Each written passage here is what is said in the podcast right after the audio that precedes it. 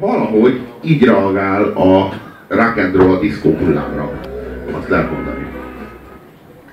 Elmúlt. Szóval, szóval így, így, igazából a, a rock and rollnak valahogy a mérföld, nem csak a mérföldköve, hanem így az igazodási pontja, vagy az igazodási origója is a, a Rolling Stones. Nem, ő, ő, ő, az, amelyik a rock and roll szellemének őrzője. Tehát, hogyha van, nem tudom, hogy ez, ez mennyiőtöknek mond valamit, de ha van a lakitelki szellemnek őrzője, akkor az Lezsák. És ha van a rock and rollnak őrzője, akkor az a Rolling Stones. Ez a rock and roll szelleme. Tök érdekes egyrészt az, hogy az előbb majdnem ráénekeltem az Around the World-ot a, a Daft Punk-tól erre a kis house nótára, amit így le, levágtak 78-ban. És a másik érdekes, amit itt romantikusan, amit nem figyeltek és nem volt itt fény, addig odasuktam a füledbe, hogy például egy-két 90-es évek elején nagyon sikeres rock zenekarral ellentétben, akik utána megpróbáltak újat csinálni, hogy fennmaradjanak, ők elmentek ebbe az irányba ezzel a számmal, és utána nem hivatkozunk rájuk úgy, hogy ja, tudod, eredetileg rockzenekar volt, aztán ők csinálták meg a Booty Time diszkós lágert, vagy nem tudom mit, hanem ők maradtak a, a rock, rockzenekar. Igen, nem mentek el például a a Lajcsi hozadáridóba például előadni, hogy magyar rockzenészek tették, példákat ne is említsek.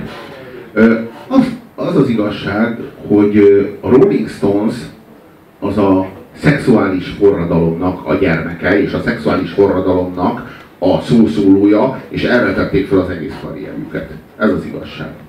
Hát ők azok, akiknek, akik e, egyszerre eltörlik a határokat, és azokon a határokon, amiket régen eltöröltek, azokon szörföznek. És ez a show. Tehát, hogy régen itt nem lehetett átkelni, most meg szörfözünk rajta, és nem tudod megmondani, hogy hol vagyunk éppen melyik oldalon, mert ez a játék. Azért a bársony kezes lábasnál egyértelműen világít a nem szexi lámpa. Ez ott azért vannak bajok.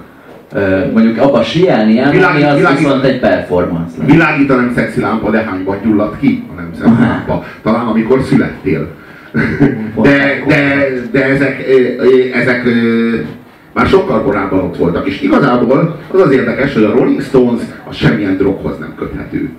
Ők igazából mindent toltak, de minden átszaladt rajtuk, mert igazából csak ez az önpusztítás volt az, ami igazán meghatározta őket. Tehát, hogy ők nem is drogoztak igazán, hanem az egyik drogozás és a másik drogozás között léteztek. Tehát, hogy így egyszerűen csak átszaladt rajtuk az egész, ők átszaladtak az egészen, nem, nem átszaladtak rajtuk korszakok, de minthogyha ők ugyanazok maradtak. Nem volt szponzoruk ilyen tekintetben nyilván.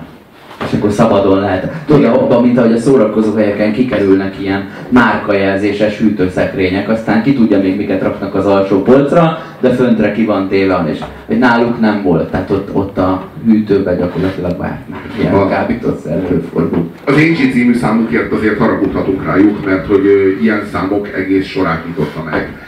Az Aerosmith, meg a Guns N' Roses, meg egyéb rockzenekarok előadásában, míg a Metallica-nak is volt ilyen rockballadája. Az a, jó, a rockballadák szerintem a rockballada a legszörnyűbb. Hát amikor így valaki azt állítja, hogy kurva kemény vagyok, és utána csöppen el. Így, igen. Miután így minden, miután így minden erejével és így minden, az összes, az összes izomcsoportját arra fókuszálja, hogy kurva kemény vagyok, és hirtelen cukormázasat iszad. Igen, a rohadt kemény rockzenész ellágyul a színpadon, de szegecses zsekiben lágyul el, hogy bazd meg, ha megölelsz, megszúrlak.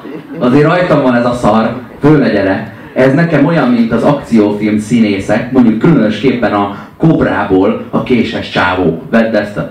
Az egy színész, bazd meg. Érted? Tehát, hogy úristen, azért, azért kemény lehet a Rambónak helytállni a rendőrségen, mert ez nagyon zoral. A másik színész, aki egyetemet végzett, szöveget tanul, castingra jár, most sírjon. Nagyon jó, ezt nem kell majd a filmben. És, és igazából egy tök soft csávó. Tehát nem, tök, nem egyáltalán nem true arc, mert nem egy tömeggyilkosnak mondták, hogy hát jön a felül, felügyelő tiszted, és akkor közben fölveszünk, de ha valakit megtalálnál ölni, akkor, akkor nincs gázsi arra a napra hanem, hanem ez egy színész.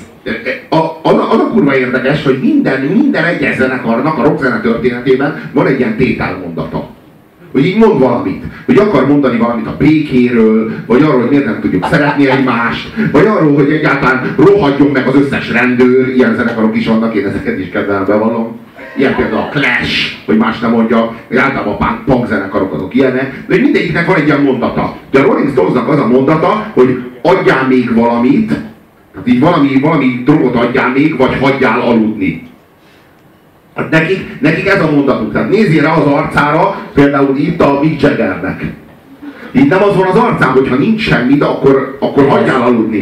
Ha viszont van valamit, akkor add ide gyorsan, beütöm. Ez nem, nem ilyen, hogy pákozni csata, pákozni csata, nem, nem, nem tudom. Nem, ez olyan, hogy a fasznak kellett szétütni magam, gyorsan bedobok valamit, hogy elfelejtsem ezt az egész szart.